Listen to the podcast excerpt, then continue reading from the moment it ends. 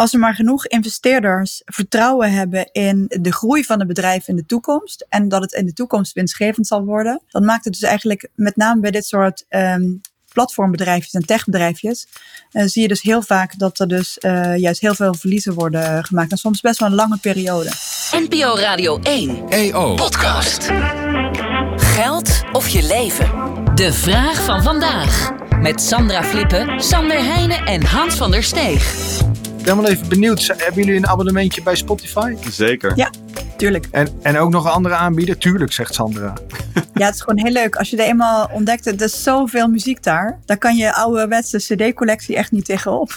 Nee, en wat ik er fijn aan vind, ik hoef ook niet meer na te denken over wat ik opzet. Het algoritme heeft me best aardig door wat ik leuk vind. Dat lijkt me geen goed idee dat je niet meer nadenkt over wat je opzet. Nou, ik heb een aantal van die playlists en die zet ik dan aan. En er komen steeds dingen in en uh, ik wil geen reclame maken verder voor deze firma. ah, oké. Okay. Je zit in de, ja, je zit in de funnel. Ik zit in de funnel, ja. Ja, ja, ik laat me helemaal leiden door een oh. algoritme. Ja, oké. Ik dacht, dan, dan, dan popt deze podcast gewoon meteen op als je dat doet. Maar uh, dat valt dan weer tegen. Willem vraagt zich af, uh, Spotify heeft miljoenen gebruikers. Toch kwam het onlangs in het nieuws dat het bedrijf 228 miljoen euro verlies maakt. En hij vraagt zich af, hoe kan zo'n bedrijf dan blijven bestaan? Ja, gek is dat, hè? Dat, maar het korte antwoord is eigenlijk dat als er maar genoeg investeerders vertrouwen hebben in, uh, in de groei van het bedrijf in de toekomst en dat het in de toekomst winstgevend zal worden, dan maakt het dus eigenlijk met name bij dit soort um, platformbedrijfjes en techbedrijfjes, uh, zie je dus heel vaak dat er dus uh, juist heel veel verliezen worden gemaakt. En soms best wel een lange periode. Nou, ik zou niet als investeerder heel blij zijn, maar. Nou, maar de gedachte daarachter is dat op zich in potentie de hele wereld zou een Spotify-abonnement kunnen hebben. Dus, dus er zijn nu 195 miljoen betalende abonnees. Die betalen allemaal tientje per maand. Dus er komt er al bijna 2 miljard uh, op die abonnees binnen. Uh, als ik dan even snel uitreken per maand. En, en als dat er 4, 5, 6, 700 miljoen worden, dan kan daar enorm veel uh, winst uitkomen op de langere termijn. Alleen, je moet eerst, zo'n bedrijf als Spotify, wilt een heel aantrekkelijk aanbod hebben. Dus die moeten eigenlijk alle muziek hebben, alle populaire podcasts. Dus die zijn heel erg aan het investeren om dat bij elkaar te krijgen.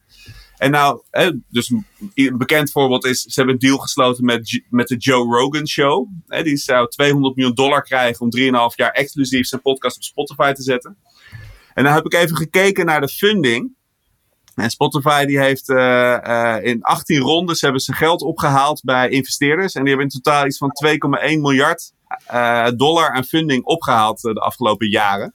En dat is de oorlogskast waarmee ze dit soort verliezen kunnen afdekken. Dus dat is in het kort het antwoord. Wat misschien ook nog wel belangrijk is, is dat uh, wat bij veel van dit soort uh, bedrijfjes belangrijk is, is dat hun product tegen lage mar marginale, tegen lage extra kosten is het schaalbaar.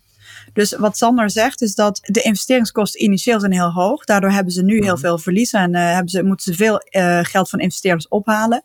Maar als, als dat muziekaanbod eenmaal staat, dan kunnen ze tussen voor, voor heel weinig extra kosten kunnen ze uitbreiden naar, naar heel veel extra klanten. Dus, en dat, dat noem je zeg maar een schaalbaar verdienmodel. En dat is echt een heel nieuw fenomeen, zeg maar, ten opzichte van ja, de bedrijven vroeger, zeg maar, die, die bijvoorbeeld hardware verkochten, computer hardware bijvoorbeeld, die bijvoorbeeld ook heel veel omzet hadden op een gegeven moment, maar die ook ja, voor, voor, elke euro extra omzet maken ze ook heel veel extra kosten. Omdat er een fabriek moet worden gebouwd en er zijn machines en mensen.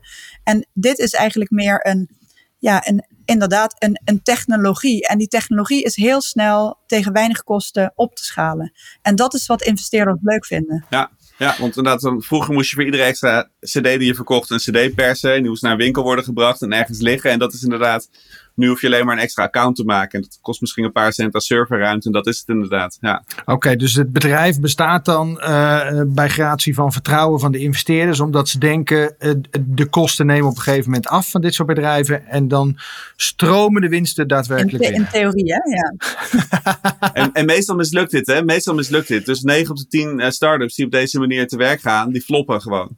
Uh, maar de startups die het redden, en Spotify is natuurlijk al zover dat er best een goede kans is dat zij het gaan redden. Die worden dan zo winstgevend dat ze ook nog eens die verliezen die investeerders op die andere negen maken kunnen afdekken. He, dus, dus wat die tech-investeerders doen, die geven gewoon heel veel geld aan heel veel ideetjes. En dan kijken ze welke daar gaat vliegen. En uh, om een beetje een voorbeeld te geven, hè, als je een paar duizend euro in 1998 in Google had geïnvesteerd, ja, dan was je nu al miljonair geweest. Hou op, hou op, ik wil het niet weten. Nou, je had toen ook geen paar duizend euro, Hans. Sander, Sa Oh, dat doet heel veel luisteraars pijn, dit, Sander. Sander heeft al heel veel goede voorbeelden gegeven waar we in hadden moeten investeren. In, Ja. in goud hadden we het eerder moeten doen, in Google. Echt, we hadden allemaal miljonair kunnen zijn. Ja, maar 9 op de 10 startups mislukt, hè. Dus je moet wel, ehm daar moet je ook tegen kunnen. Ik als weet niet je, of ik jou zou inhuren als beleggingsspecialist, Sander. Want dan krijg je allemaal informatie over wat je had moeten doen. Tot de voordeur, heeft hij eerder gezegd. Tot, garantie tot de voordeur. Goed, heb jij ook een vraag aan Sander of Sandra? Of aan allebei natuurlijk, dat kan ook. Eh, mail dan naar podcastradio1.eo.nl. Dit was hem voor vandaag. Morgen weer een nieuwe vraag. NPO Radio 1 EO podcast.